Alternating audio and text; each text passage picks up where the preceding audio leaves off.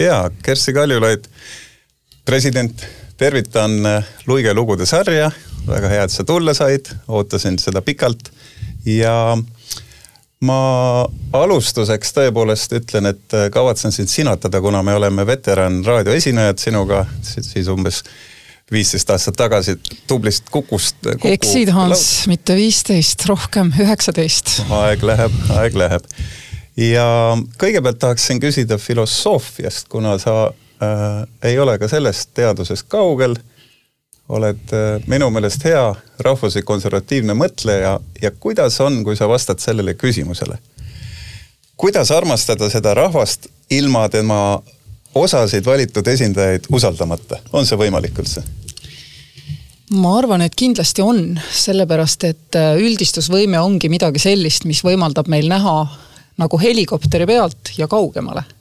ja sellepärast me just nimelt nagu väljumegi sellest vahetust situatsioonist, eks ju, et, et näha nagu paremini. tulevikku näha kõrgemalt, näha üldisemalt.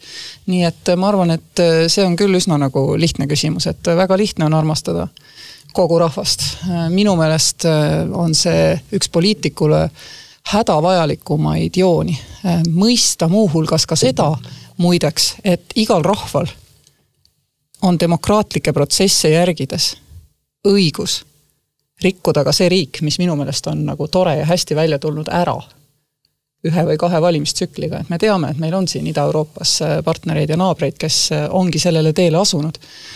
aga see kõik on lahus armastusest, need on erinevad asjad. Ida-Euroopas me räägime seoses sinu poolt propageeritud kolme mere initsiatiiviga. Aga räägime siis, mida president äh, saaks teha ja mida sa oleksid saanud teha, kui ei oleks olnud seda soovi kandideerida ka teiseks presidendi ajaks ja näiteks äh, sa oled paaril korral välja võtnud nii-öelda bazooka. see on siis, kui president ütleb mõne ministri kohta, et see tõepoolest ei sobi ametisse, seda on varem Toomas Hendrik Ilves öelnud äh, Edgar Savisaare kohta kui erakonna esimese, esimehe kohta, et tema seda erakonda valitsusse ei kinnita. paar nädalat läks peale tema tagasiastumisest presidendina ja, ja Keskerakond sai valitsusse.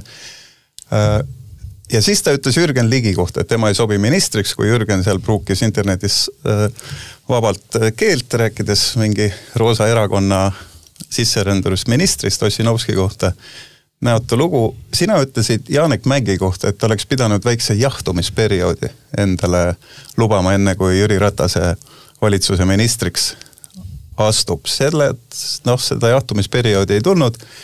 Ta läks valitsuse ministriks ja samuti sa ütlesid Martin Helme kohta, kui ta hakkas äh, süvariiki kangutama esimesena objektiks valides Elmar Vaheli, Politsei- ja Piirivalveameti peadirektori.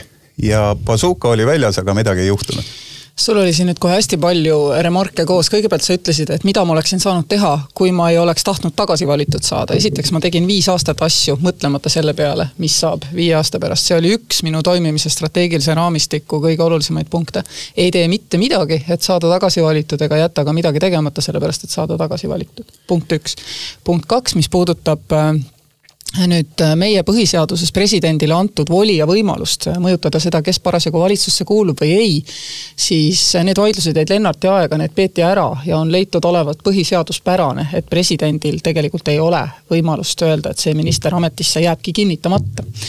ja kui me nüüd tuleme sellisesse olukorda, kus lausa sa tead, et sul nagu seisab ees üks periood, kus sa alatihti pead toetuma põhiseadusele selleks, et hoida siin riigis toimuv põhiseaduse vaos, siis on jube ebamõistlik esimese asjana ise sellest vaost nagu välja ronida kaheldavale piiripealsele territooriumile.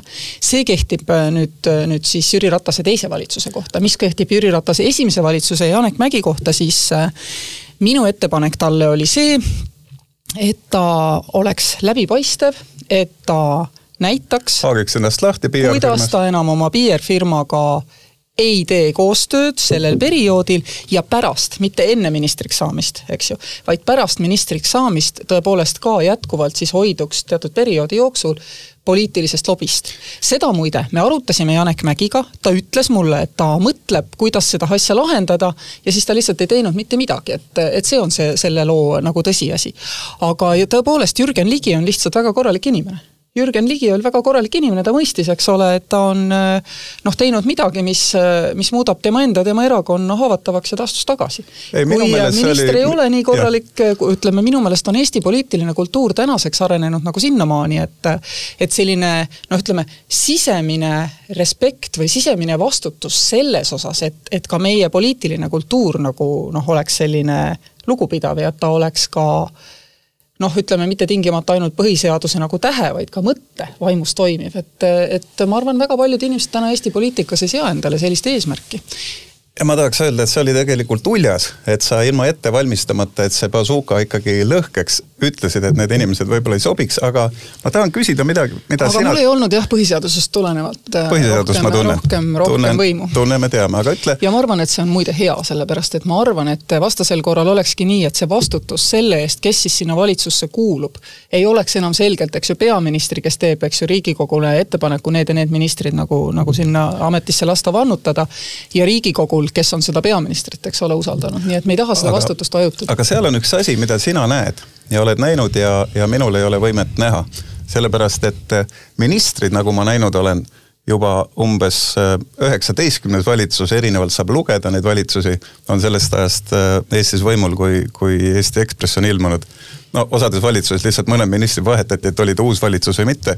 ja seetõttu mina tean ja sina tead, aga ma ei tea, mismoodi toimub kabineti diplomaatia.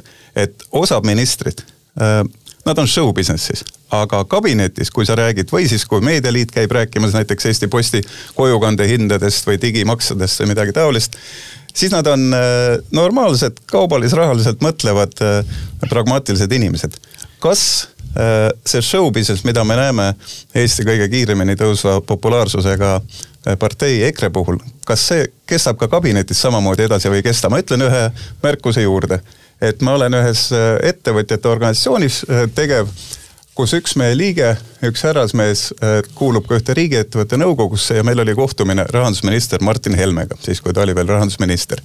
ja siis see ettevõtja tuli ja enne seda, kui minister tuli oma saatjatega ruumi, ta ütles, et teate ma sõitsin pika maa selle ministriga maha ühes autos, ta küsis, talle jääb meelde, ta on täitsa normaalne mees. Ja mina ütlesin endale omasel iroonilisel moel, et see on küll tore, et sa pead meid ette hoiatama, et Eesti Vabariigi minister on tegelikult täitsa normaalne mees kas show business käib ka kabineti, kabineti diplomaatias edasi? ma isegi tahaks öelda, ma taunin seda, et äh, poliitikat äh, tehakse kui meelelahutussektori osa. poliitika on eestvedamise kunst, poliitika ei ole osa meelelahutussektorist. ja, ja minu jaoks äh, on taunitav, kui poliitik ei tegele eestvedamisega, mis on veel halvem poliitiku järgijad ei tea täpselt, ei suuda alati hinnata, millal poliitik tegeleb, nagu sina ütled, show'ga ja millal eestvedamise kõrge kunstiga. mistõttu nad võivad talle ka järgneda kohtadesse, kuhu siis polnud nagu mõeldud järgneda, eks ole. nii et minu arvates on see mitte ainult äh, nagu vale sisuliselt vale, vaid võib olla ka teatud tingimustes ohtlik tegevus. mistõttu ma ei taha üldse sinna minnagi, et, et kas, kas see on kuidagi vastuvõetav, et me teeme toas ühte poliitikat ja siis kaamerate ees teist poliitikat. ei ole, ei ole ja ei ole. ja aus ja sirgjooneline eestvedamine isegi kui ma ei ole nõus nende seisukohtadega, mul on elus olnud palju kordi tunne, et ma ei ole nõus Andrus Ansipiga näiteks aga ma nägin, miks ta, miks ta seda tegi ja mida ta tegi. ja ma olin üsna kindel, et see, mida mulle öeldakse, see on ka see loogika ja see argumentatsioon. ma ei saanud valijana, ma ei saanud kodanikuna, kes oma liidrile järgneb, eksida eks ole, ehk et nüüd äh, mõtleme siis korraks, kui äh, populistid siin ja seal kutsuvad üles päid veeretama või ründama naistearste kuidas peab lihtne valija aru saama, et ei ole mitte tingimata vaja naistearstidele kallale minna või päid veeretada, vaid tegemist on show, show business'i me lähme vanale rajale, kas, kas need inimesed, kas Helir-Valdor Seeder tuleb vastu sinule kui poliitikule või teistele kolleegidele ja ütleb, et teate, põhiasi on see et homod ja lesbid ei tohi saada abielluda ja pärast räägime majandusest, pensionidest. kas, kas sa siia Helir-Valdor Seeder ja küsi, kas see on tema jaoks põhiküsimus, et sa minu oled... jaoks näiteks ei ole, aga minu jaoks on äärmiselt äh, oluline küsimus, mille üle ma olen valmis arutama nii nelja seina vahel kui ka mikrofonide ja kaamerate ees kuidas siis Eesti inimene pensioni edaspidi saab ja kas meie kõik edaspidi peame maksma sotsiaaltoetusi nendele, kes on oma pensioni esimesest sambast teinud hästi väikseks põhjusel, et nad teisest sambast välja võetud raha eest ostsid parasjagu auto või soojamaareisi. vaat selle üle tahan mina arutada ja minu jaoks ei ole kunagi poliitika meelelahutussektori osa. minu jaoks on ta alati eestvedamise kunst, mistõttu ma ei ole võib-olla isegi adekvaatne nagu hindama, mina üritan ka nende inimestega, kes minu tuppa tulevad, rääkida asju sisuliselt. aga ma möönan, kui argument argumendid on saanud otsa, siis olen kuulnud ka kitsamas ringis ja, ja, ja ruumis, kus peale minu võib-olla selle etenduse nautijaid ei olegi, äh, ka neid argumente, mida me kuuleme vabas õhus. aga ah, need on tavaliselt tulnud sellest, et ikkagi läheb mõnikord klähvimiseks ka siseruumides. mitte klähvimiseks, vaid esitatakse mitte sisulisi argumente, vaid sedasama juttu, mida me kuuleme õues, mida me ju mõlemad pooled teame, mis on noh, ütleme tehniliselt võib-olla isegi eda, ebapädev, mul on olnud selline arutelu, et öeldakse mulle, et aga me ju kõik teame, et Euroopa Liit niisugune on, on ju, ma ütlen, kuidas nii, et Euroopa Liidu lepingut muudeti spetsiaalselt, et ta oleks rohkem nagu rahvusriikide liit, eks ole. komisjoni äh, voli Lissaboni lepinguga nagu vähendati, on ju, ta on nüüd rohkem selline kantslerite kogu. kuidas te saate öelda, et, et me oleme liikunud teises suunas, kui tehniliselt kõik viitab sellele, et me oleme liikunud nagu selles suunas. ja siis tulebki see tekst, eks ole, mis ei sisalda endas ühtegi argumenti, ma ei tea isegi, kas see on show business, mõnikord tundub see, palun väga vabandust, rumalusena huvitav. ma tahan veel küsida ühe detaili, et äh, mina märkasin ja kirjutasin ühes Ekspressi loos ka, et osad meie ministrid ja, ja muud juhtpoliitikud on tegelikult äh, netisõltlased, nad on telefonisõltlased. Mulle ütles keegi ühe endise rahandusministri kohta isegi, et ta ei suuda olla, kui tuleb näiteks Maailmapanga esindaja või kui on tarvis riigieelarve mingist detailist rääkida, ta ei suuda olla ruumis, kus on telefon laual. ta vaatab, kas tema tweetile või, või Facebooki säutsele on keegi vastanud ja kui on vastanud, siis ta läheb ruumist välja ja põrutab vastu ja seda on võimalik tegelikult ajaliinil vaadata, siis toimus see koosolek ja siis ta tweetis. seesama minister, tema nimi on Jürgen Ligi, tema oli pandud äh, riikliku valitsuse rahapesukomisjoni juhiks rahandusministrile. see on ta ametiülesanne, kaheksa istungit toimus seal valitsuskomisjonil, seitsmel ta ei olnud üldse kohal. Nendel päevadel ta aga aktiivselt võttis Facebookis sõna.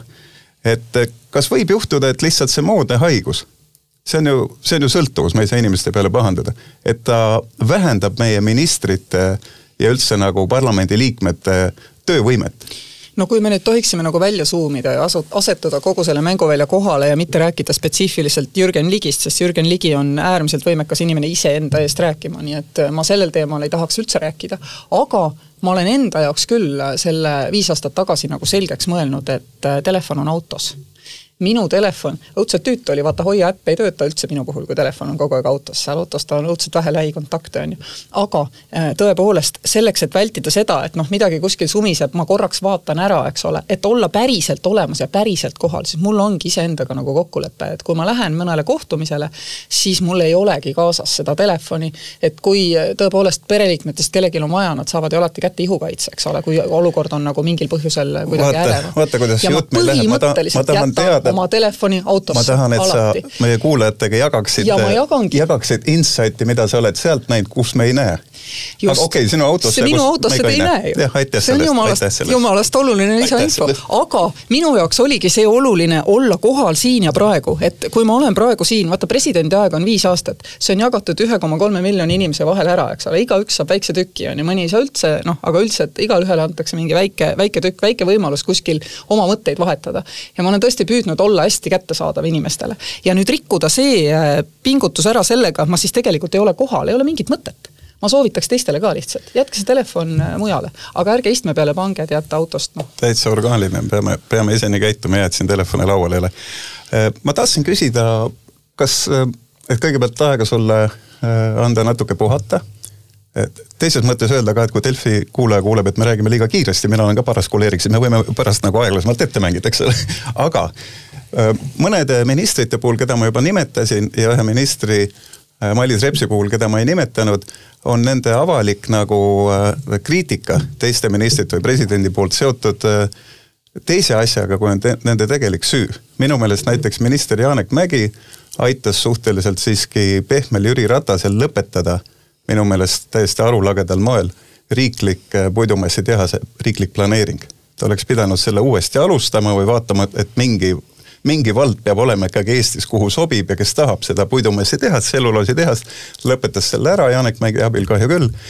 ja Mailis Repsi küsimus ei ole muidugi selles, kas ta kasutas riigiautot või mitte ja, ja kus see Jura kohvimasin oli ja, ja kus ta oleks pidanud olema või järsku on seal veel midagi, näiteks on lapsed mõned tahvelarvutid saanud kasutada, palju räägitakse. aga küsimus on selles, et iga kord, kui Mailis eri nimede all, ka Mailis Ranna nimel, tuli jälle haridusministeeriumisse, siis ta keeras tagasi tavaliselt tema eel olnud Tõnis Lukase E-, vene koolide eestistamise programmi ja seda tegi küllaltki nagu administratiivselt osavalt, nimelt äh, koolitusprogrammide ümbertegemise teel. ja, ja sellest räägitakse vähem, kuigi kahju on märksa suurem kui üks kohvimasin või, või, või mõnikümmend äh, paagitäit bensiini. jaa, ma olen sinuga selles mõttes nõus, et et äh, tõepoolest Eesti kool peaks meil ammu juba olema ja seda ikka ei ole ja, ja siin tõepoolest äh, noh, tuleb, tuleb küsida, miks ei ole nende käest, kes pole lille liigutanud, eks ju, et ta saaks olema. ja, ja siis tuleb veel küsida ka nende käest, kes on nendega, kes pole lille liigutanud ja kellel me teame, on poliitiline huvi seda mitte nagu teha, eks ole, on, on läinud äh, koostööle ja just selle koha peale olnud alati valmis tegema kompromissi. see oli, mis mind tõsiselt nagu ärritas, et hea küll, et kui meil on nagu see maailma kõige rahvuskonservatiivsem valitsus, eks ole, siis eh, noh, tehtagu siis vähemalt see Eesti kool ära, eks ole. kuigi noh, sa siin ütlesid, et, et vaadatakse valesid asju inimeste puhul ja, ja et noh, et näiteks, et Martin Helme võib-olla oli mõnest asjast täitsa huvitatud ja sai ka täitsa õigesti aru, eks ole. siiski mul on siin ka nagu see piir ees, et, et ma alati mõtlen selle peale, et et noh, et mõned ütlevad, et natsid nagu tegid päris head majandust, on ju, mis on ka muide vale väide, tegelikult on ei teinud. ja, ja teine asi, et Nõukogude, Nõukogude võim jälle ehitas meile need elektrijaamad ja pani nii kõvasti asfalti, kas see rehabiliteerib nagu selle, põhimõtteliselt olid nagu ütleme, inimsuse vastased, vastased režiimid. no siin nüüd, siin nüüd ja... erakonna esimees Martin Helme saab. ja ta ei ole saanud sinnamaani oma. argumentum ad Hitlerum niimoodi me ikka ja, ei võrdle siin. aga vaata, võrdleme sellepärast, et oh. Äh, kui tegemist on nagu inimesega, kellel Eesti põhiseaduse paragrahv kaksteist kallis ei ole, siis isegi kui ta oleks tehniliselt olnud hea rahandusminister, mida ta muide ei olnud, kutsu siia Keit Pentus, ta räägib sulle, ja, ja siis me ütleme, et oli tehniliselt hea rahandusminister ja me ignoreerime seda, millised on tema vaated meie põhiseadusele. mis mulle läks väga hinge ja jälle see tuli mulle lihtsalt sellega seoses meelde, et sa ütlesid, et me paneme valesid asju tähele. Mailis äh, Repsi kuulus Pealtnägija intervjuu. minu jaoks oli seal üks tähelepanuväärne fakt, mis tasus tõepoolest menetlemist ja mida ei ole üldse menetletud. et äh, ma ei tea, miks ei ole, uurisin oma majas ka. Mailis Reps tuli ja ütles, et ka nemad olid mõelnud, et äh, poliitika on nagu show business, eks ole. ja et need vennad, kui nad nüüd laua taha tulevad, et siis neil ei ole tegelikult äh, põhiseaduse vastaseid seisukohti, et nad ei pane lauale punkte, mis ei vasta meie põhiseaduse mõttele, sättele, aga nad panid aga nad panid. ja vaat see on tegelikult üks üsna kriitiline ülestunnistus sellesama eelmise valitsuse kohta tulnud kohast, eks ole, kust ma ei oleks seda ühelgi juhul nagu oodanud. aga Mailis Reps seda tõepoolest ütles ja see on väga-väga tähelepanuväärne. jah, meil on põhjust nüüd arvata, et tõepoolest ka nendel läbirääkimistel, kui moodustati koalitsioonilepingut, olid laual asjad, mis oleksid meie põhiseaduslikku korda tahtnud muuta. mis tähendab, et ma ei ole eksinud, kui ma ütlesin, et äh, siin võib olla ohtu põhiseaduslikule nagu korrale.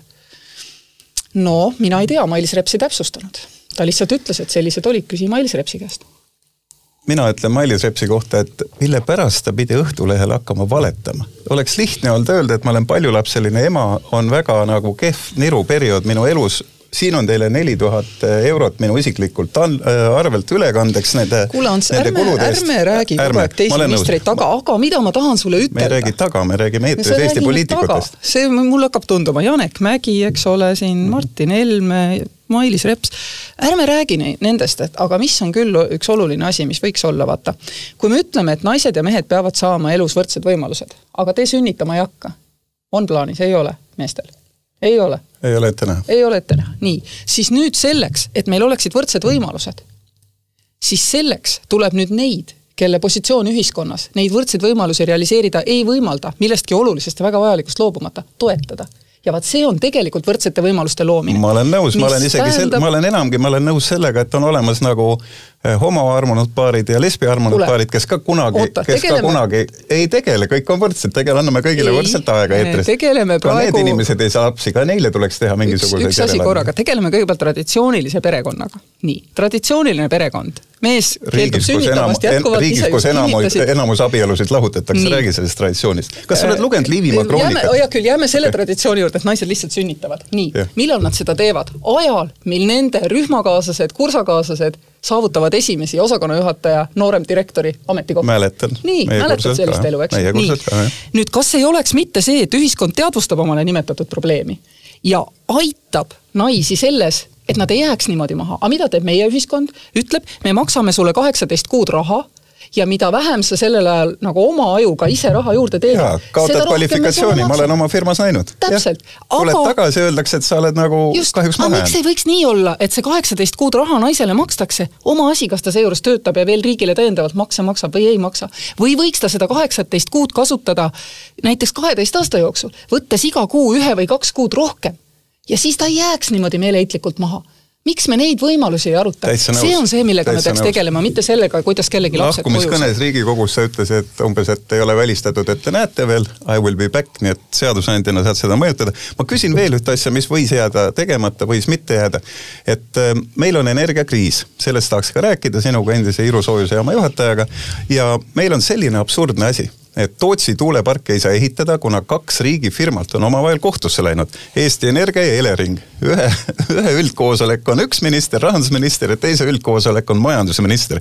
kas president ei saa võtta kratis kinni ja öelda, kuulge ministrid, te käite riigi raha eest, mõlemad võtavad advokaadid kohut? vastavalt võimude lahususe printsiibile ei saa ja tõepoolest on nimeks pandav, et ükski minister, kellel vastavalt äh, ütleme, tööjaotusele siin riigis see voli on, ei ole seda teinud. sõna on vaba, sa oleks saanud öelda, et ärge lolli mängige ja, ja ongi palju asju öeldud, äh, mida kutsutakse siin riigis, nagu sa väga hästi tead, sekkumiseks sisepoliitikasse. mistõttu ma olen sekkunud sisepoliitikasse piiratud viisil ainult juhul, kui äh, ütleme, sekkumata jätmine oleks tähendanud ohtu ühel või teisel moel meie põhiseaduses kirjeldatud väärtustele.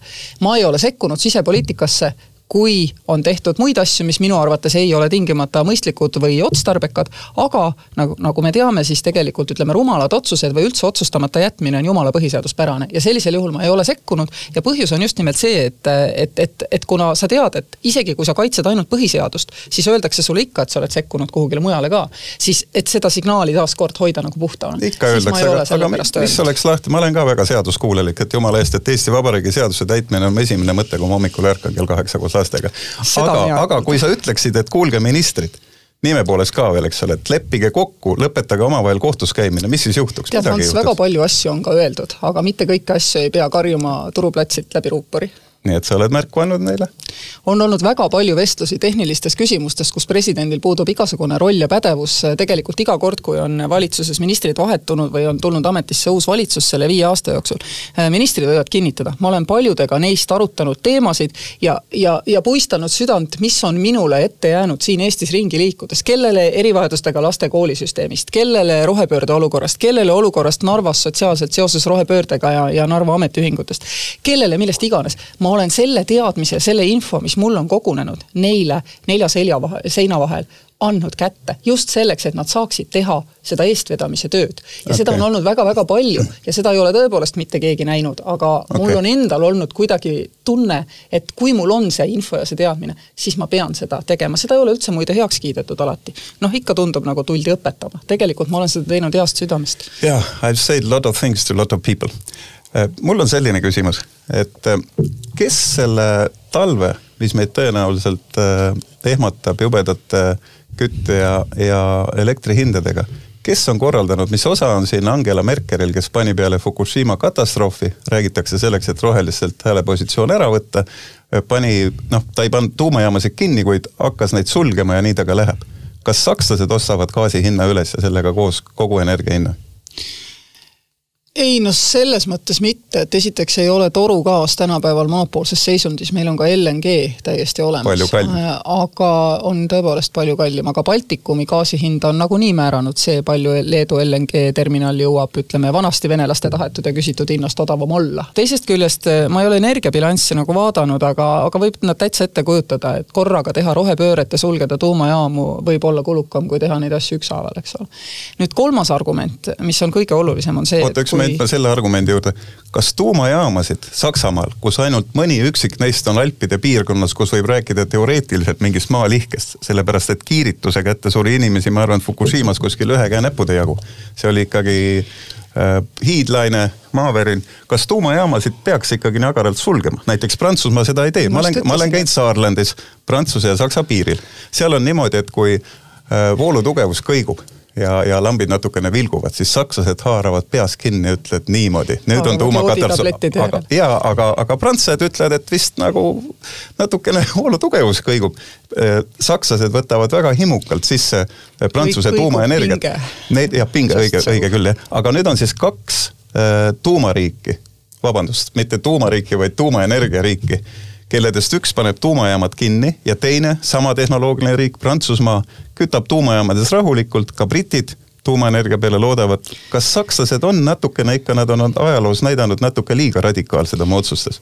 millega nemad, keeravad ka teistele käkki. ka nemad on vabad neid otsuseid tegema, nii nagu prantslased on vabad jätkama äh, tuuma, tuumajaamadega, aga ma muuseas olen lugenud ka ühte uuringut, mis ütles, et Prantsuse tuumajaamade lähistel elavatel inimestel näiteks lapse ja leukeemiat siiski mõnevõrra foonist kõrgemal määral esineb, nii et, et see tuumajaam ei ole siiski ka mingi päris nukumaja, eks ju, et seda ei maksa ka kunagi arvata, et ta seda on, ma olen ise elanud kaksteist aastat Kattenõumi tuumajaamast nelikümmend kilomeetrit, jooditabletid kapis, eks ole, korralikult ja nii edasi, et, et selles mõttes see ei ole nukumaja.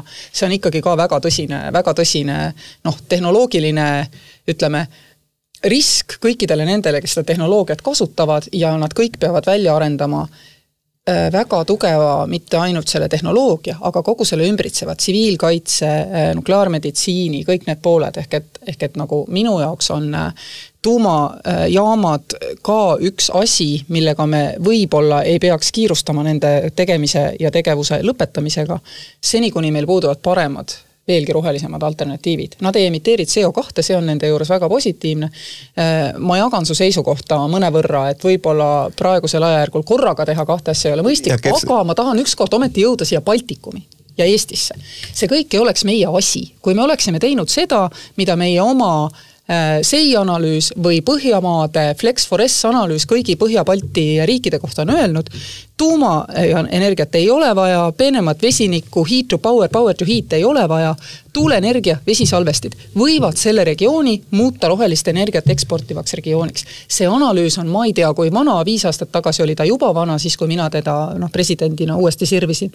ja vaat seda analüüsi arves, arvesse võttes oleksime me pidanud märksa kiiremini toimima. ja, ja see, olin... see Paldiski, Alexela ja teiste investorite veesalvesti projekt on sama vana ja, ja muudkui seisab. jah, ja kogu aeg tuleb, eks ju, Eiti hääl, paber on jälle hambus, paneb ja. selle ka minu lauale. ja ta väidab muuseas, et see tasub ennast ära, kuna sealt põhjast saadakse graniiti, siis me enam Soomest ja muuseas Norrast ei pea seda graniiditrühvlit vedama endale lume peal. no ma saan aru, et see tasub ära, et aga tal sellegipoolest ta tahaks saada nagu pikaajalisi neid äh, lepinguid, mis ei ole probleem minu arust, aga milles on probleem, on see otsustamatus. et, et noh, täna öelda, et, et rohepööre on süüdi selles, et elektri hind on kõrge, kullakesed, ei ole. ta on kõrge sellepärast, et meie väga hästi teades, et rohepööre ju tuleb ei teinud vastavaid ettevalmistusi.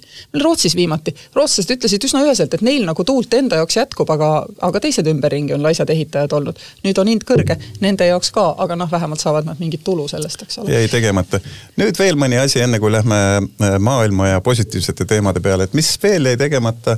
minu meelest meil oli äh, kriis, mida venelased kõigest jõust lükkasid nagu eetrisse oma Sputniku kaudu, said väga vähe äh, klikke ja likee kriis, äh, nimelt äh, Gemalto nimeline firma siis nagu oli siiski ID turvakoodis midagi, ID-kaardi turvakoodis midagi valesti teinud, andmed said avalikuks, millega välismaa uurija paljastas. Äh, sa ei võtnud sõna ma kutsusin kokku Riigikaitse Nõukogu, me arutasime Riigikaitse Nõukogus ja võtsin ka sõna, pärast seda andsin pressikonverentsi, sa Hans ei ole üldse järginud minu, jälginud ei, minu presidentuuri. see oli, see oli suure huviga ja kaasaelamisega olen jälginud ei ja muuseas Facegrupis hääletasin ka selle poolt, et sa võiks teise perioodi saada, aga sellest hoolimata oli juba Finance'i, Financial Timesi esilehel, et digi, digitiiger on saanud haavata Eesti kohta umbes nii ja siis on üks inimene, keda ma tunnen, ta öö, ütles, et Kersti Kaljulaid sõna ei võta ja pöördus siis Toomas Hendrik Ilvese poole teisel kontinendil, kes siis võttis sõna. see oli minu meelest nii, aga võime kontrollida, kui sa ütled, sa võtsid sõna, siis oli avalikult sõna. või Riigikaitse Nõukogus? ei, ei avalikult, pärast Riigikaitse Nõukogu tuli nõu ja rääkisin ajakirjanikega, püha taevas.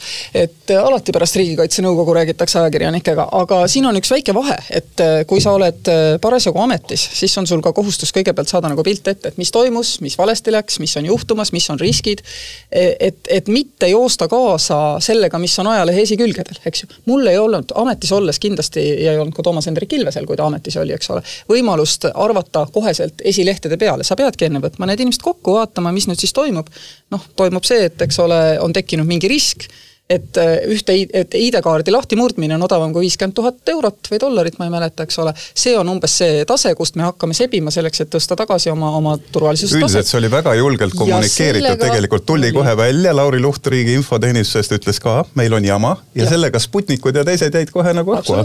aga meil oli ka äh, hästi oluline saada õue see, et meil on risk, mitte realiseerunud risk see oli ka hästi oluline, sest tegelikult oli tegemist riskiga, mitte realiseerunud riskiga. ja niisuguseid riske on ja jääb tulema. tegelikult ütleme, vähemal ja suuremal määral on ju kõik süsteemid kogu aeg ründe all, keegi üritab neid häkkida, tehnoloogiad vananevad, täna me siin riigis mõtleme tegelikult, eks ole, kui me siin omavahel arutame selle ringkonna inimestega siin riigis, mõtleme post-quantum ID-st mis siis, kui on kvantarvuti, iga kvantarvuti teeb iga ID-kaardi lahti odavalt ja kiiresti, efektiivselt. ei tea, mis kujuga silmadega inimesed selle kvantarvuti kõigepealt lauale panevad, mis sa arvad? Äh, ma ei jaga seda vaimustust, et ainult Hiina oskab tehnoloogiat äh, toota ja luua, siin on üks oluline erisus, mille me peame tegema, et äh, vaata, heas valges vabas maailmas, mille austajad meie sinuga oleme, tulised, eks ju. Maailm väga hästi. valges selles mõttes, et puhtas, ideedel põhinevad, selles mõttes valges. et ma ei mõelnud siin jumala eest nahavärvi, ma mõtlesin seda, et selles maailmas, kus kehtib inimõigused, kus kehtivad sellised humanistlikud väärtused, eks ole, kus kehtib inimese õigus privaatsusele ja nõnda edasi. selles maailmas tänapäeval tehnoloogiat aretab erasektor see ei ole enam nii, nagu ütleme, tuumarelvade loomise ajal, eks ole, et kindla peale tehnoloogilist arengut vedas eest riik ja kõik, mis toimus, seda riik ka teadis. nüüd Hiinas on olukord, ütleme selles mõttes kahekümnendas sajandis, et kõik, mis toimub, seda riik ka nagu teab, eks ole. ja kui erasektor kipub liiga palju pead tõstma, siis kaob mõni juht mõnikord pildilt ära, eks ole, võib-olla jääbki kadunuks, on ju. meil seda häda siin vabas maailmas ei ole, aga meil toimub nüüd dialoog siis ütleme riikide ja, ja, ja tehnoloogiasektori vahel mis selitab meile meie tehnoloogilised võimalused. riigid ei kontrolli enam tehnoloogilist progressi vabas demokraatlikus maailmas. aga nad kontrollivad seal, kus ei ole vaba ja demokraatlik maailm. ja siit tuleb minu järgmine tees. kuna ainult vabad inimesed on tõeliselt loovad, siis tegelikult pikaajalises perspektiivis see vaba ja demokraatlik maailm võidab see võib sulle hetketi tunduda just nimelt sellepärast, et kuna teine pool kasutab riigina äh, ja kontrollib kõike seda, mis on loodud ja ütleme, vaba ja demokraatlik pool seda ei tee, võib sulle ajuti tunduda, et, et me oleme maha jäämas nendest inimestest, aga me tegelikult kindlasti ei ole. mitte ainult mulle, see tundub näiteks Pentagoni, kui nad ütlevad, et Hiina äh, Äh, äh, ründepiloodid, robotid suudavad palju paremini lahendada ülesandeid kui, kui USA äh, elusad tipp-piloodid, seal on mängitud juba läbi neid mängusid. teine asi on see, et nii nagu Obama ütles ühel väga kurval hetkel. kui nad te, seda teavad, võivad nad selle vastu midagi ette võita. kas ta te-, Obama ütles ühel hetkel, et kas te teate, maailma kõige võimsam kompuuter ei asu enam Ameerika Ühendriikides, vaid Hiina nõndanimetatud rahvavabariigis, nõndanimetatud on see minu pool, aga Hiinas. aga kui sa Hiina, räägid Hiinas Jaan me... Tallinnaga ja teistega, kes investeerivad DeepMindi ja mujale, siis nendel võib olla täitsa teine seisukoht. meil on lootust. ma, ma räägiksin äh, tehnoloogiast veel ühes kontekstis, aga äh, ja toetudes sinu kõnele kevadisel Tiigrihüppe Tööandjate Liidu konverentsil, mis oli üks parem kõne, mis ma olen Eesti avaliku tegelase suust kuulnud majanduse kohta.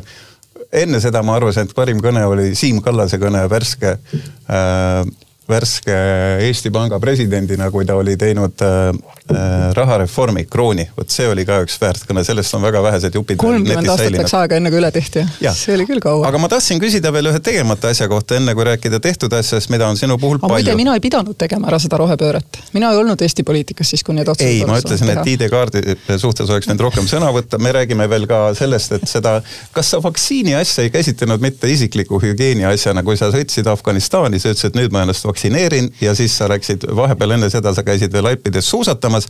kas sa ei oleks võinud oma autoriteedi juures hakata anti, antivakseriks ja põrmustada kõik neid jutte või sa usud, et on olemas imerohi nimega imervektiin, mida kõikide demokraatlike riigi, riikide tervishoiuametid hoiavad oma, oma elanikkonna eest. kuule ei usu, esiteks mina vaktsineerisin ennast sellepärast, et see on NATO nõue, mitte keegi ei läinud Afganistanis üle NATO ukse läve, kui ta oli vaktsineerimata. mis see põhja, põhja, mis see põhja, põhja Atlandi alliansi ja puutub, kas see, kas ei ole koroona vastu lihtsalt mõistlik vaktsineerida, NATO nõue või mitte? absoluutselt on, aga ma juhin su tähelepanu, et tollel ajahetkel oli vaktsineerimine veel selline küsimus, et, et sa pidid seda ikkagi põhjendama avalikkusele, et miks see just sinuga ja just täna juhtus, et kolm nädalat hiljem olid asjaolud juba teistsugused. on sul põhjendamisega kunagi raskust olnud, mis see NATO siia puutub? no aga see oligi nii, ei, küsimus tollel hetkel arvasid kõik inimesed, nad tahaksid ennast kohe ja väga vaktsineerida, eks see oli teine olukord, defitsiidi küsimus oli ja, ja ma sain oma süsti suhteliselt varakult, eks ole, mõni nädal hiljem äh, mõisteti siiski, et riigijuhid, ka valitsus ja riigikogu peaksid olema nagu toimivad ja, ja lubati seda, äh, võimaldati seda kõikidele,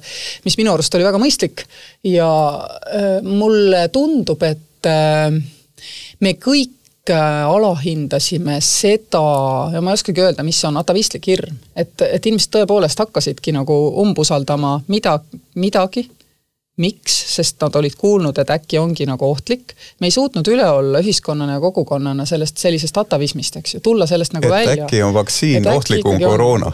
Ei, äh, minu jaoks on see jabur, sinu jaoks on see ka jabur, eks ole, aga samal ajal kui inimesel, noh, see, sa ju kujutad seda ette, eks ole, seda olukorda, eriti nooremal inimesel, eks ju, et ta nagu mõtleb selle peale, võrdleb, ta ei, ta ei mõtle, võta seda positsiooni, et mis see ühiskonnale annab, kui meil on karjaimmuunsus, eks ole. ta võrdleb seda, et noh, kui ma siin, vaat sõber põdes, tal oli ainult kaks päeva köha, eks ole nüüd ma teen süsti siin, et ja no ega ma võib-olla kindlalt ka ei usu, mis nad kirjutavad, et see süst on jube mürgine, on ju. aga mine tea, äkki on mingi tõenäosus. ja tavaline inimene ei mõtle ju nii nagu noh, iga päev nagu ma ei tea, vaatad järele, mis need äh, arvnäitajad on. jaa, aga meil on ju haiglate peaarstide statistika olemas, et äh, vaktsiin ja. aitab, mitte nii, nagu Mart Helme ütles äh, viimati Riigikogus, et vaktsiinid on näidanud oma ebaefektiivsust. vaat öelgu Mart Helme, mis asi on näidanud oma efektiivsust koroona vastu peale vaktsiinide. aga, aga mul on ja, veel üks aga see ongi probleem probleem, vaata, on üks riik Euroopas, mis on vaktsineeritud, äh, peale nagu Põhjamaade on ka Lõuna-Euroopas üks riik, mis on väga vaktsineeritud, see riik on Portugal. seal on üks viitseadmiral, kes ajas seda vaktsineerimise asja ja tal oli üks tingimus ülejäänud poliitikutele, me ei tee vaktsineerimisest ega koroonast poliitilist küsimust. teine riik, kes ei teinud sellest poliitilist küsimust ja suutis selle enam-vähem välja hoida, oli Rootsi, eks ole. kõik ülejäänud tegid sellest poliitilise vaidluse objekti. aga president, president Kersti Kaljulaid istus kindlalt Kadriorus, tema valimised ja, ei olnud akuutsed. miks ja... sa ei öelnud, et oh, antivakserid, mul on teile mikrobioloogiat õppinuna Tartu Ülikoolis, mul on teile mõned faktid. palju intervjuusid, ma olen teinud vaktsineerimise okay. toetamise kampaanias koos Katrina Lehisega kaasa. see kõik on tehtud. Telefoni vilgutamine arstide toetuseks oli väga, väga edev asi sellel ei olnud veel vaktsiinidega midagi pistmist. Nüüd ma ei leia ka ühtegi asja, mis sul tegemata jäi. see on kindlalt tehtud. nii, aga kolmas aga mis aga... on probleem, me keegi ei ole suutnud veenda üheksakümmend kaheksat protsenti Eesti ühiskonnast ja mis on selle probleemi taust? Ida-Euroopa ja usaldamatus üksteise vastu. minu arust ei ole mitte usaldamatus üksteise vastu. Põhjamaad ei põe, nad Oota, usaldavad oma valitud inimesi. minu jaoks ei ole usaldamatus üksteise vastu, minu jaoks on teid teistega arvestamine me teame, kuidas ka. Põhja, Põhja-Euroopas ja muide ka Kesk-Euroopas, kus näiteks minu lapsed on käinud lasteaias ja, ja sõimes. maast madalast kaheksateist kuude, kuuste lastega tegeletakse sellega. sa tegid nüüd nii, mis sa arvad, mida tema tundis. aga kui me kõik teeksime nii, kas siis mitte meie ühiskond kokku ei jookseks? ja vaat see on see, mis meie kultuuris on puudu, inimeseks olemise kõrge kunstiõpetus. ja kui sa viitsiksid lugeda minu kõnesid haridusfoorumitel, siis sa näeksid, olen lugenud su kõnesid, aga sa keskendu, keskendu haridusfoorumitele see on olnud minu jaoks üks oluline teema veenda mitte ainult meie ühiskonda, vaid globaalseid ühiskondi, ärge põdege selle, seda, mida te lastele tehniliselt õpetate. niikuinii see tehnoloogia on vananenud selleks ajaks, kui nad tööturule jõuavad. õpetage neile, kuidas vaatamata sellele, et tehnoloogia on traagiliselt vähendanud meie vajadust üksteisega suhelda, see tähendab ka meie vajadust mõista kehakeelt, olla emotsionaalselt intelligentne selleks, et siin ühiskonnas toimida ja hakkama saada. kuidas sellises olukorras õpetada lastele inimeseks olemise kõrget kunsti juba lasteaiast peale? mulle on küll juurde tulnud suhtlemist noore põlvkonnaga, sellist nagu minu isal tarvis ei olnud. ma lähen oma laste juurde ja küsin, kuidas see käib, kuidas ma seda ekraanilt ees saan, kuidas panna omale näiteks see koroonapass, koroonapass screensaver. sinu juurde ja ütleks no,, kuidas hobune ette rakendada, no, ma mõistan vana mehe muret, ma mõistan. et, et, et minu isa rahu tema põrmuga olgu, et, et mina oleks tema käest nagu temale mingit nõu andnud tehnika asjast, tema oli tehnoloog, loomulikult Karbuss käib nii, aga sa oled vastanud mitmel korral, et see, mis ma arvan, et sa ei teinud, sa ikkagi tegid, ma ei murdnud läbi. üks, ükskord proovin veel, ükskord proovime veel, siis ja ükskord proovime veel, siis oleme positiivsed. meil toimus väidetavalt globaalne, vaata et mitte öelda planeetidevaheline rahapesu, kõigepealt rääkis sellest äh, seoses Danske pangaga finantsinspektsioon ja siis äh, tuli isegi Rootsi televisioonist, et Swedbank on ka pesnud, kuigi nende Swedbanka president äh, Birgitte Bonnesen väitas, väitis, et nendel seda muret küll ei ole. see daam on nimelt suur valevorst, nagu selgub, nagu ta kohtus ka ise peab selgitama pärast. aga ma vaatasin, et Hansapanga endise töötajana, et sa ei võtnud sõna seda, selle kohta adekvaatselt, mis tähendab, kui Vene ja Aserbaidžaani rahva tagant varastatud raha läbi meie vabariigi pestakse nagu kahekümnendatel bolševike kulda. ja, ja veel ma küsin kui sa saaksid ennast koguda, vahepeal on hea, aga ma küsin veel teise küsimuse ka otsa. aga mis sa arvad, kui tuleb välja, et süüdi jäävad ainult neli või viis tavaliselt vene nime, nimedega klienditeenindajat seal? ma andsin üle maailma palju-palju intervjuusid inglise keeles, prantsuse keeles ja prantsuse keeles on pagana keeruline rääkida sõnadest nagu finantsinspektsioon ja kõik see muu asi, aga ma tegin seda selgitamaks, mida selgitamaks seda, mida tegid eestlased, mida tegi meie finantsjärelevalve, mida tegid taanlased. selgitamaks seda, et kõik see pull käis hallis ülikonnas meeste eh, vahel, kes, kes ei olnud seejuures ei Eesti e-residendid ega kasutanud meie digikanaleid. sest et kogu maailma peas hakkas see kõik ühte kokku sulama. ja veel üks asi, mida ma tegin, mis oli partikulaarselt huvitav kaasus, oli see, et siin kohalik äh, kohalikud äh, Michael Bloombergi jüngrid panid äh, välja mingi, mingi numbri, mis oli nii suur, et, et noh, maailmas ei ole üldse nii palju raha, ammugi siis käinud siit Eestist läbi, eks ole. ja siis oli selline üritus, et ma tegin ühel üritusel Bloombergiga pilti, see oli tema korraldatud äh, Urban Development Forum Detroitis on ju, ja siis pildi tegemise käigus ütlesin talle, et tead, et niisugune probleem on niisuguse numbriga. ja vaat siis ma nägin tõeliselt tasemel ajakirjandust ja tema tõeliselt tasemel omanikku. natukese aja pärast helistas mulle nende peatoimetaja kes oli teinud omale faktoloogia nagu selgeks ja küsis, ütles, et tõepoolest, me keevitasime ikka nagu imelikult. ma, ma ütlen, ma ütlen kuulaja jaoks, et me räägime endisest New Yorgi linnapeast Michael Bloombergist, kes, kellele kuulub ka üks vahvamaid infokeskkondasid, Bloomberg ja, ja Bloomberg TV ja Bloomberg Täpselt. Analytics ja kõik. just, ja siis me leppisime kokku, et ükskord, kui sellest kõigest on saanud selline suhteliselt juba jahtunud äh, kehand, et siis võiks teha ühe sellise, neil on ka seal need äh, kvartaalsed review'd, sellise analüüsi, mis siis juhtus täpselt, kuhu see asi nagu jõudis, eks ole. ja, ja, ja mida on maailma sellest nagu õppida, eks ole, me vist täna ei ole veel seal, et minna nüüd tagasi Bloombergi juurde küsida, aga mida ma sulle seletan, on see, ma tegin seda kõike, Hans. Kersti, sa tegid, mida sa tegid, ma, ma, ma küsin, ma küsin nüüd jälle. et kas sa ma võtsin kõik omaks, ei võtnud. sa rääkisid rahvusvaheliselt isegi prantsuse keeles, kuidas finantsinspektsioon muuseas on prantsuse keeles äh,? Inspektora financial. või, või ja sa rääkisid, mida, mida, mida meie Finantsinspektsioon tegi, aga mida ta siis tegi?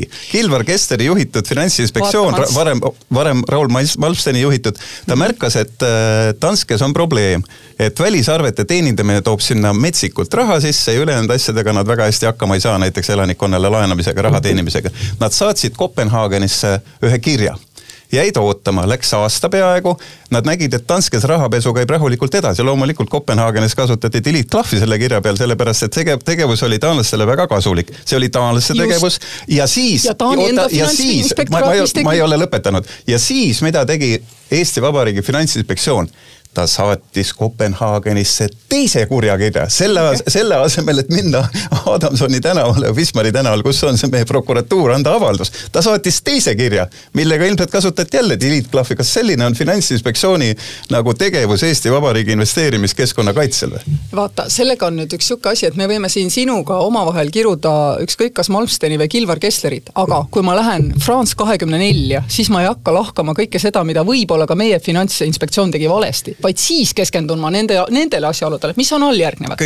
taanlased delete isid kaks korda selle kirja ära ja ka siis, kui oli juba nagu selgelt antud märku, et asjad on nagu valesti, ütlesid nad ameeriklastele, kes küsisid, et Danske on fit and proper. Õnneks oli meil selle kohta paper trail olemas, mistõttu oligi võimalik maailmas siiski näidata, et mitte eestlased ei keeranud seda jama kokku. küllap me midagi ka keerasime, aga nii... meil oli võimalik seda müüa teisiti. sellega, sellega tuli välja, nii nagu ikka Eestis juhtub, välismaalasest vilepuhuja, nii nagu ka TalTechi puhul juhtus välismaalasest äh, vilepuhuja Robert Krimmer puhus seal vilet, aga äh.... aga antud juhul ei olnud minu ülesanne mitte käia ja üritada kogu maailmale, kes teadupärast sellesse küsimusse pealiskaudselt äh, nagu suhtus. selgitada neid nüansse, kus me võib-olla ise ka lasime noh, midagi käest minna. see on jube häbi, ikka Kremli bandiidid teevad jälle siin meie, meie pinnal, mis tahavad, aga ma küsisin veel ühe küsimuse, kuidas ennast, kuidas ennast tunneks, kui selguks, et esiteks sellepärast, et võib-olla Lavly Perringu ajal ei olnud prokuratuuri sisekliima väga hea, sealt lahkus tuntud rahandusala prokurör Vahing näiteks, ütles, et ta läheb isapuhkusele, see oli kummaline kuulata.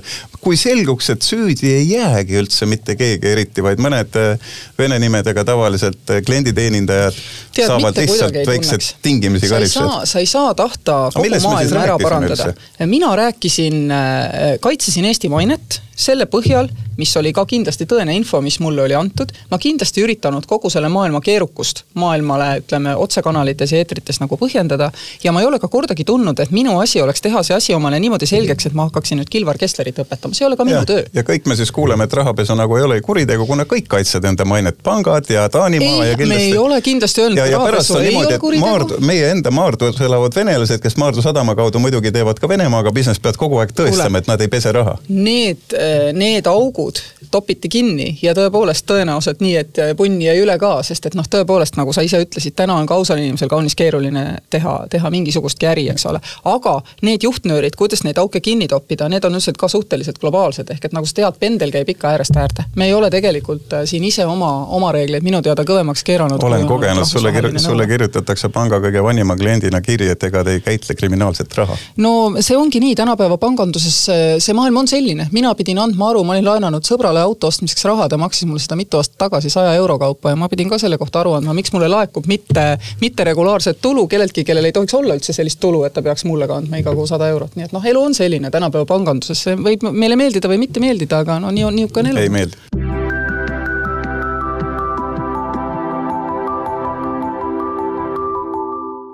nii, me oleme nüüd pausilt tagasi ja minu kord on öelda käisime koridoris edasi vaidlemas. president Kersti Kaljulaiule kompliment, et ma ei ole ühtegi presidenti näinud, kes ametiajal oleks nooremaks saanud. ei, ei vasta tõele, ei ole ka minuga nagu ei ole ka minuga niimoodi läinud aga ma, ma tahan meenutada sellest üliheast äh, kõnest ettevõtluse kohta, mis sa Tiigrihüppe konverentsil rääkisid kevadel. sellist lauset, et sa räägid, et seadusloome ei lase meil väga siin äh, andmebaase majandada, eriti tehisintellektiga tegeleda, sest et tehisintellekti õppimisvõimalused jäävad meil ilmselt nagu demokraatliku riigi, eriti ma arvan, andmekaitse taha. ja siis sa kirjutad niimoodi, see oli, ma arvan, aprillis see konverents, nädalake tagasi oli sellest juttu Riigikogu majanduskomisjoni juhtidega ehk saab liikuma. see peab ulatuma näotuvastusest liiklusvoogude analüüsi, siin on ilmselt nagu tänavaliiklust mõeldud igale poole muja, mujalegi. meil on tarvis proaktiivseid kratte ja peab tege-, peab tekkima uus siis äh, ai taseme ehk siis öelda nagu No kunstintellekti taseme rahvuslik kokkulepe. kas see läheb ka kuhugile?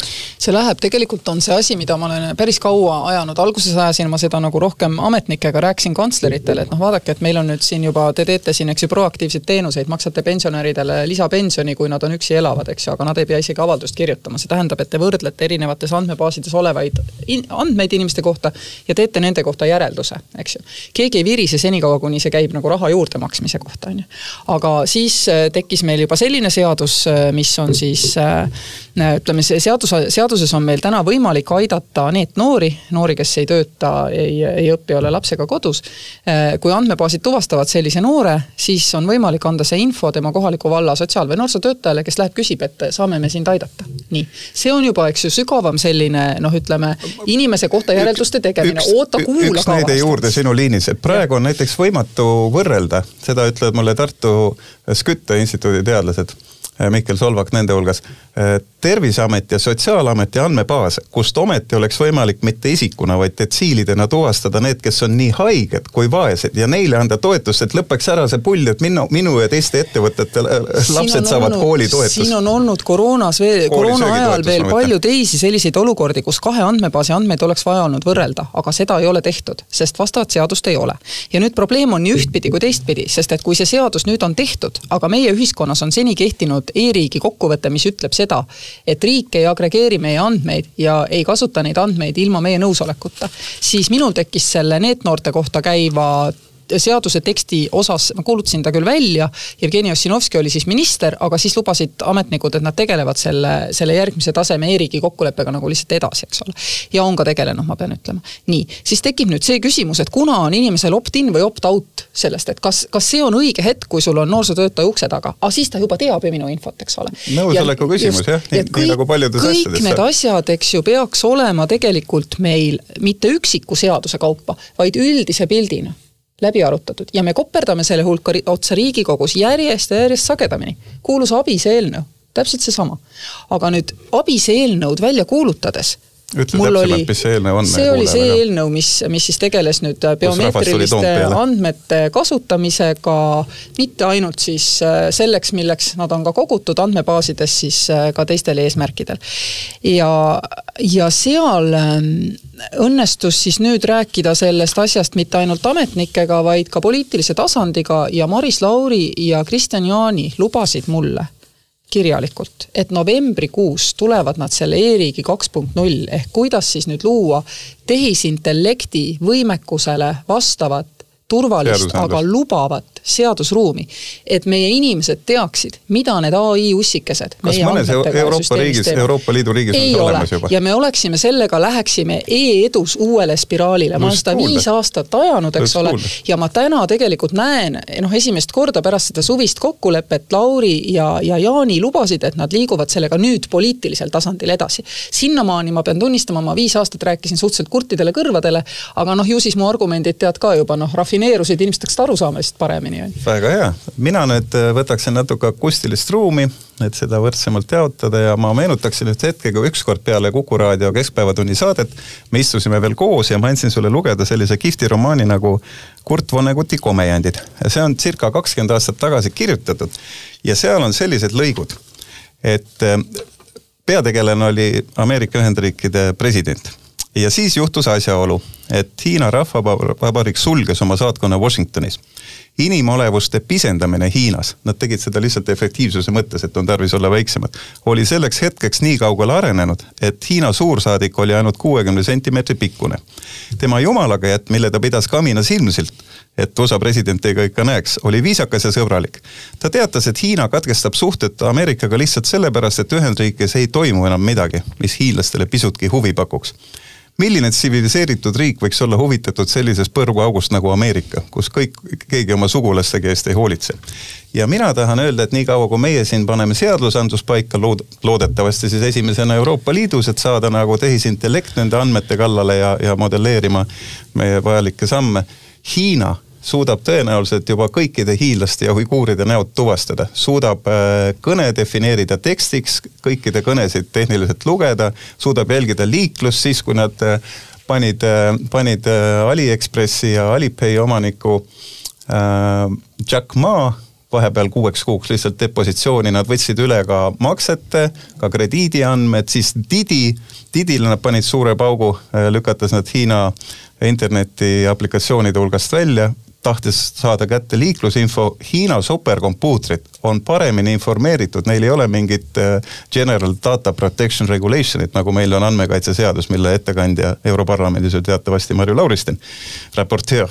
ja Hiina saab suuremaks kompuutrialal, sellepärast et nad on autokraatia. kas võib olla, et autokraatidel on tehnoarengus mingisugune eelis tänu sellele, et nad on totaalsemad? Et esiteks ma väidan, et tehniliselt on kindlasti ka läänes olevad tehnoloogiaettevõtted eh, võimelised kõiki neid samu asju tegema, see, et nad ei tee, on olnud vaba maailma nagu valik. et eh, tõenäoliselt jah, on meie tehisintellektil olnud seetõttu vähem võimalust harjutada ehm, ütleme, nägude tuvastamist ja kõike muud, aga ma ei usu iialgi, et eh, vabas maailmas, vabade tehnoloogiaidude hulgas ei leiduks täpselt samasugust võimekust, täitsa raudselt leidub. aga ongi oluline, et me siin viiksime globaalselt ka vabas maailmas selle seadusruumi sinna, et me saaksime seda tehnoloogiat ohutult kasutada. Eh, on, on seesama initsiatiiv siin Eestis, mida me oleme ajanud, aga me oma kantseleiga ja koos ka Stenbocki majaga ajasime seda asja edasi eh, rahvusvahelisele tasemele, selles mõttes, et tegeleda, tegeleda siis eh, millegiga, mille nimi on trusted connectivity Trusted Connectivity on siis kõikvõimalikud tehnoloogilised lahendused, füüsiline märgistus võiks olla seesama Blue Dot, eks ole, mille kunagi ameeriklased, austraallased, jaapanlased nagu välja mõtlesid. Trusted Connectivity on, on konsensus mida arvestavad vaba maailma tehnoloogiaettevõtted, kes küll kasutavad kõiki neid tehnoloogiaid, kuid teevad seda nii, et meie inimesed võivad olla kindlad, et nende andmed on A kaitstud ja B, et nendega ei tehta midagi, mida ei ole nende kohta öeldud. aga siin on küsimus, kas sa pead ise, ise luba andma või mitte, hiinlaselt ei küsi keegi luba. aga nii ongi ja meil siin vabas maailmas on arusaam, et ma pean, et kontroll minu andmete üle on samasugune nagu kontroll minu keha üle. see tähendab, et meie kompuutrid jäävad lollimaks? ei jää lollimaks, meie kompuutrid vähem andmeid on töödelda meie kompuutrid võivad harjutada teiste andmete peal, et põhimõtteliselt ei ole ju vahet, kas sa uurid inimest või mõnda muud objekti, kui sa oled õppiv, õppiv tehisintellekt. aga mis on minu arust äh, hoopis huvitavam, on see, et see, et see pidev kivi, kivi, kivi näoilmeid vaatama. ma räägin sulle selle unistuste ja, ja et see, see Hiina on tohutu ülemvõim ja et, et küll, küll asjad lähevad nagu käest ära. esiteks vaata seda Hiina majandusedu natuke, tule sealt eh, tehisintellektist välja ja vaata, mis Valetavad on juhtunud nende... tõenäoliselt majandustõusu kohta, et kuus protsenti iga aasta oli, mäletad, kuus koma midagi. Nad olid ka kakskümmend aastat tagasi, eks ju, eh, olid nad eh, riik, kellele oli pigem reserve, täna on nad riik, kes on üsna korralikus võlas selline majanduskasv tõenäoliselt Hiinas jätkuda ei saa, see tõenäoliselt pidurdub ja, ja ma arvan, et hiinlased seda täna ka ise teavad. ja veel üks asi, kogu aeg tegeletakse mingisuguste tuleviku utoopiatega, mulle meeldib see hiinlaste omast palju rohkem näiteks see, et vaata, kui see päris tehisintellekt, kes on päriselt tark, nagu ükskord nagu leiutatakse. nagu Hiina oma võib siis osa inimesi ütlevad, et ei, ei või äh, see küsija on Tallinnalt kui, äh, kui, äh, kui tõepoolest selline tehisintellekt peaks ühel päeval sündima, siis teeb ta ju meile hirmsasti kahju, ütlevad ühed aga teised ütlevad, et ei tee. miks peaks üks tõeline mõistusega olend jääma kinni sellele planeedile, kus on energiaressursid, on, on nagu pisikesed, on ju, ja kus sebib jalus tohutult mingeid pisikesi sipelgaid. siia jäävad ainult need, kes tahavad sipelgaid uurida, ülejäänud lähevad kindlasti ja vaatavad mõne parema elukoha. ehk et nende utoopiatega on kõigiga niimoodi, et me teame, et nad tegelikult ei ole mõtet trendi pikendada minevikust tulevikku ja öelda, et täpselt nii läheb, niikuinii nii ei lähe. ja mina jään selle teesi juurde, et lõpuks prevaleerib vaba maailm sellepärast, et lihtsalt vabas maailmas on inimesed päriselt vabad looma nutikaid ja uusi lahendusi. sa võid jõuda keskmise sissetulekute tasemeni, aga siit edasi sa ei lükka enam, kui su inimesed vabad ei ole, lihtsalt sellepärast, et äh, vabadus on see, mis teeb inimese loominguliseks ma ja tahaks, loomingulisus tahaks, on see, mis toob lisandväärtust. ma tahaks, Kersti, ka, et see nii oleks, just eile oli uudis, et Hiina ülikiirerakett põrutas ümber maailma ja ja maandus suhteliselt sihtmärgi lähedal, kuigi mitte päris sihtmärgil. mina jälle kas see küsimus sellest, kas Hiina, Ameerika, äh, Jaapan, Venemaa, Põhja-Korea suudavad siin noh, selle maakera segi keerata, tõin... siis me teame, et ammu suudavad ükskõik millisel ma, tehnoloogilisel tasemel see oleme kuulnud, hirmus, hirmus, ma, ma juhin tähelepanu veel Kurt Vonnegutile toetus, kes ütles, tema raamatus Hiinlased nimelt vähendasid oma, oma kehamahtu, muutusid kuuekümne sentimeetri pikkusteks, nii on lihtsalt efektiivsem. et äh, mina jällegi tunnen nagu ärevust nii Hiina kasvu puhul kui ka selle puhul, et ma märkan, et demokraatia ei suuda tarbimist vähendada. et sõja järel oli ühel soomlasel kümme ruutmeetrit näo peale elada, nüüd on umbes seitsekümmend, Helsingil vast juba kaheksakümmend ruutmeetrit näo peale. lõppu ei ole, tarbime, tellime endale äh, Uus-Meremaalt kiivisid demokraatlikul teel, tarbimist ei vähenda, autokraatlikul teel küll. aga ma räägiks nüüd julgeolekust. sa tulid siia turvaga, turva ei seisa siis stuudios no, kaugel. kas sul on, äh, kas sul on kuus kuud äh, Äh, turvateenistust ja kas on õige, et Toomas Hendrikul oli ööpäev kestvat turva peale tema lahkumist presidendi kohalt ainult kaks nädalat? ma ei taha minna Eesti ihukaitse töö spetsiifikasse, sest äh, need on mehed, kes eelistavad, et te sellest vähem teaksite kõik, aga, aga fakt on see, et äh, ükskõik, kas see puudutab president Rüütlit, president Ilvest või mind, siis Eesti isikukaitse teeb ka täna kõigi meie kolme turvaliseks, turvaliseks, et me tunneksime ennast turvaliselt, nagu kõik siin riigis. ei käi see, ei käi see sugugi ainult, ainult minu kohta, et nad teevad vastavalt vajadusele, vastavate töövõtetega, mida siis parasjagu on nagu vaja teha, aga kui keegi arvab, et ühtegi meist on mädade tomatitega kuidagi lihtsam loopida, kui me oleme ametist lahkunud, siis ta eksib. siis küsin suurema julgeoleku kohta, see on viimane teema, et äh, Jens Stoltenbergil hakkab lõppema äh, aeg NATO juhi kohana, seda on niigi pikendatud ja see koht jääb vabaks. et ma ei tea, kas sa oled või ei ole selle peale mõelnud, aga sattusin sinu ühe arvamusavalduse peale, mis mulle taaskord kangesti meeldis, see oli siis äh, ajakirjas Diplomaatia, kus sa rääkisid midagi taolist, et Euroopa Liit peaks maksma Balti õhutõrje moderniseerimise eest, täitsa õige mõte, me oleme nende puhvertsoon, eriti keskmaa rakettide vastu, mis see täpsemalt oli, mida sa taotled? see äh, tuleneb äh, Euroopa Liidu suurest soovist äh,, mis täna on nõrgem, kui ta oli võib-olla siin eelmise komisjoni ajal äh,, suurest soovist lüüa kaasa Euroopa kaitsevõime kasvatamises ja minu tees on kogu aeg olnud see, et on asjad, mida NATO teeb väga hästi, mis on kollektiivkaitse tagamine, valmisolek, riskikaardid, kõik selline, eks ole. ja siis on asjad, mida Euroopa Liit teeb väga hästi. üks nendest on, on, on siis äh, ühtse, noh, cohesion, ühtse arengu tagamine niimoodi. ja nüüd, kui me võtame siis, et selle asemel, et mida Euroopa Liit teeb, eks ole, ta, ta püüab seal ka sisse viia, et noh, ministrid tulevad kokku, vaatavad, mis on nagu võimekused ja minu küsimus on alati olnud, et no tulite neli aastat järjest Brüsselis kokku ja tegite kindlaks kaadreview käigus, nagu selle peene asja nimi on, et ikka ei ole Baltidel õhuturvet mis teie järgmine kui samm nad ei ühildu, need õhuturved, Johnstoni ülikool avaldas kaks tuhat üheksateist aruande, et meil on kõik süsteemid, kaasa arvatud ennetussüsteemid erinevad. sinna me jõuame. see, selle vastu on Euroopa Kaitsefond, mis Euroopa kaitsetööstusel võimaldab sarn-, te-, investeeringuid teha ja edaspidi loodetavasti on need paremini integreeritud. see on pikaajaline protsess, selles osas Euroopa Liit juba teeb asju. aga mis seda minu konkreetselt seda mõtet nagu puudutas, oligi just see, kui te olete neli aastat nentinud, et ei ole, kas te siis teete ühe cohesion fondi ja teete selle asja ära? kui te selleks valmis ei ole, siis ärge tulge neli aastat kokku ja ärge tehke kaadreview'd Euroopa Liidus. siis paneme nagu ainult NATO-ga edasi, eks ole, mis asi puudutab kaitset ja julgeolekut. see on minu tees olnud. ja sa näeksid see... ennast NATO-s ka? NATO NATO juhtivstruktuurides. sellega, kes on NATO peasekretär, tegelevad liikmesriigid ja arutavad seda. selle taga ja lobitegija, nagu sa näitasid Eesti saamisel äh, Julgeolekunõukogusse ÜRO-s mul on olnud NATO-s üks huvitav protsess, kus me oleme nagu hästi saanud kaasas olla äh, Juan Carvalho, Portugali kaitseministriga, see on olnud just nimelt see, et viia NATO-sse rohkem seda mõtet, et kuna vabas maailmas äh, arenevad tänapäevased tehnoloogiad erasektoris, aga, aga meie, meie ütleme, ideoloogiliste äh, võistlejate maailmas Riigikontrolli all. et siis NATO peab palju rohkem pöörama tähelepanu sellele tehnoloogilise põllu nagu kaardistamisele ja siis nende arengute nagu arvesse võtmisele. see, see asi, mida me seal ajasime läbi Müncheni julgeolekukonverentsi, läbi mitme aasta selleteemaliste paneelide, on tänaseks NATO-s iseenesestmõistetav töö, töövoog.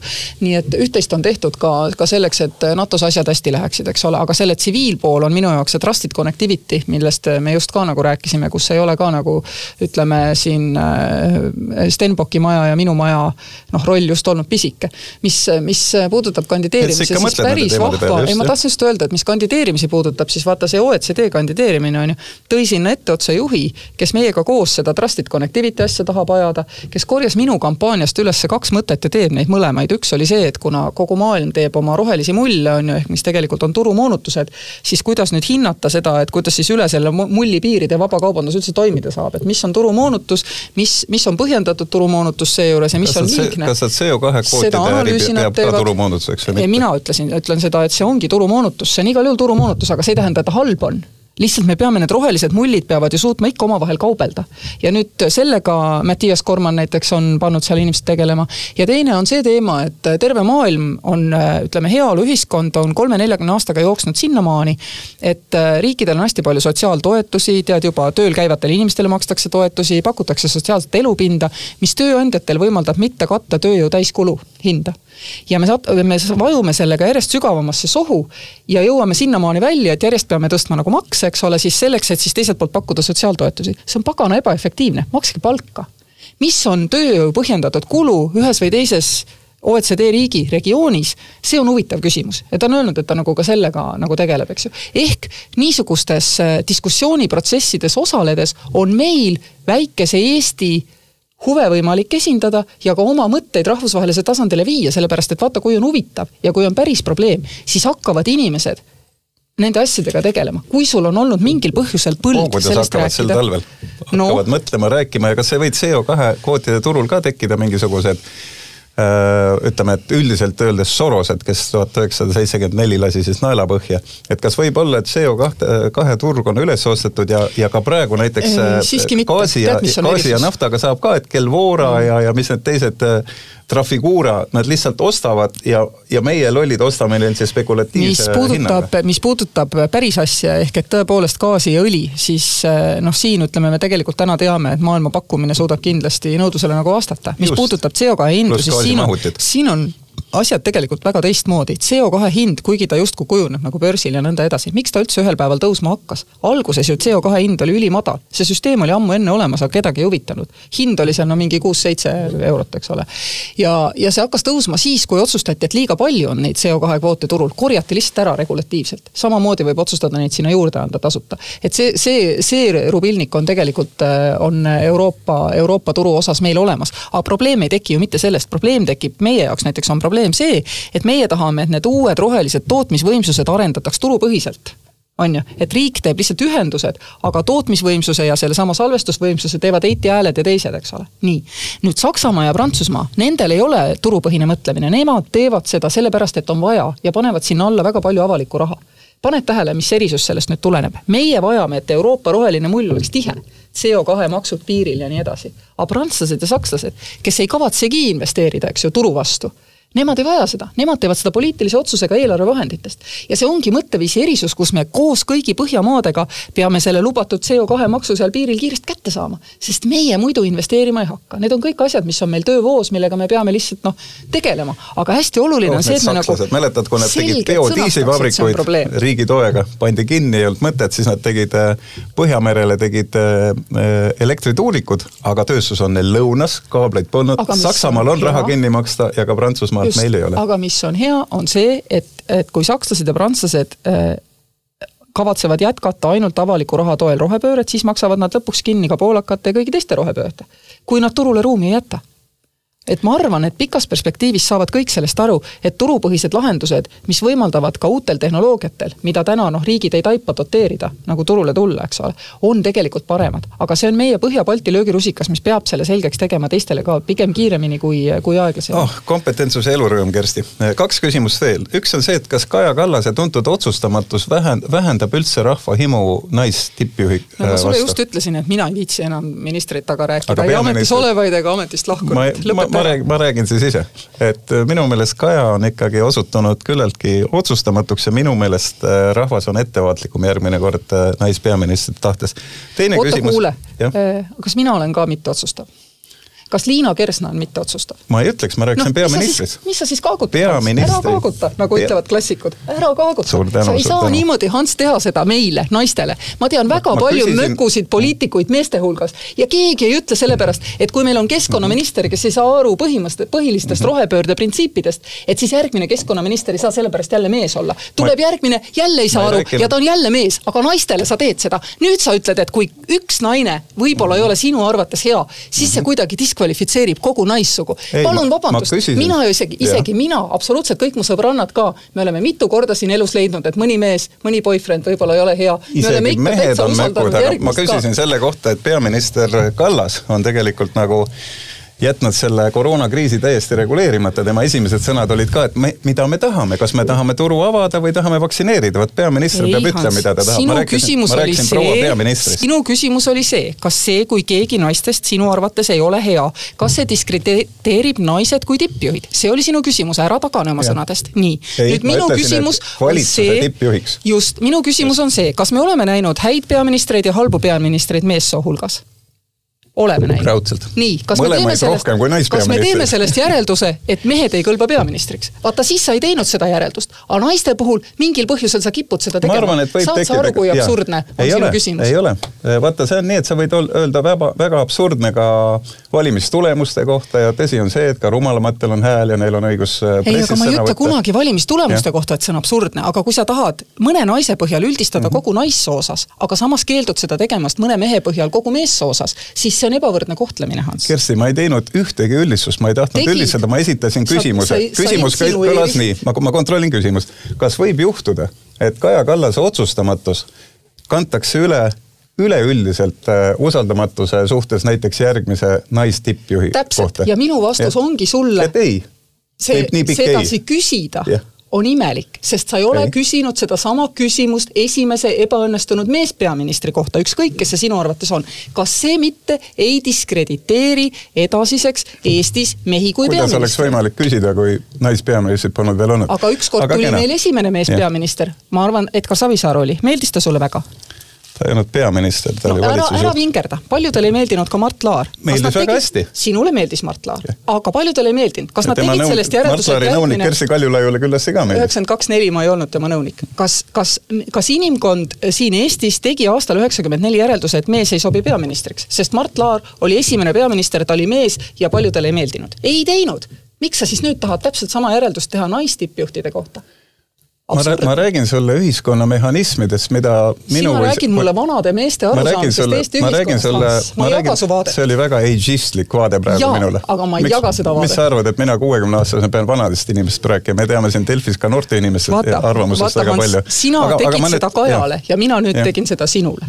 mina lihtsalt üldistasin sinu sellise statement'i põhjal sinu põlvkonnale, sinu soole. ma unustan selle näotu ageismi, kohe ei ole viga.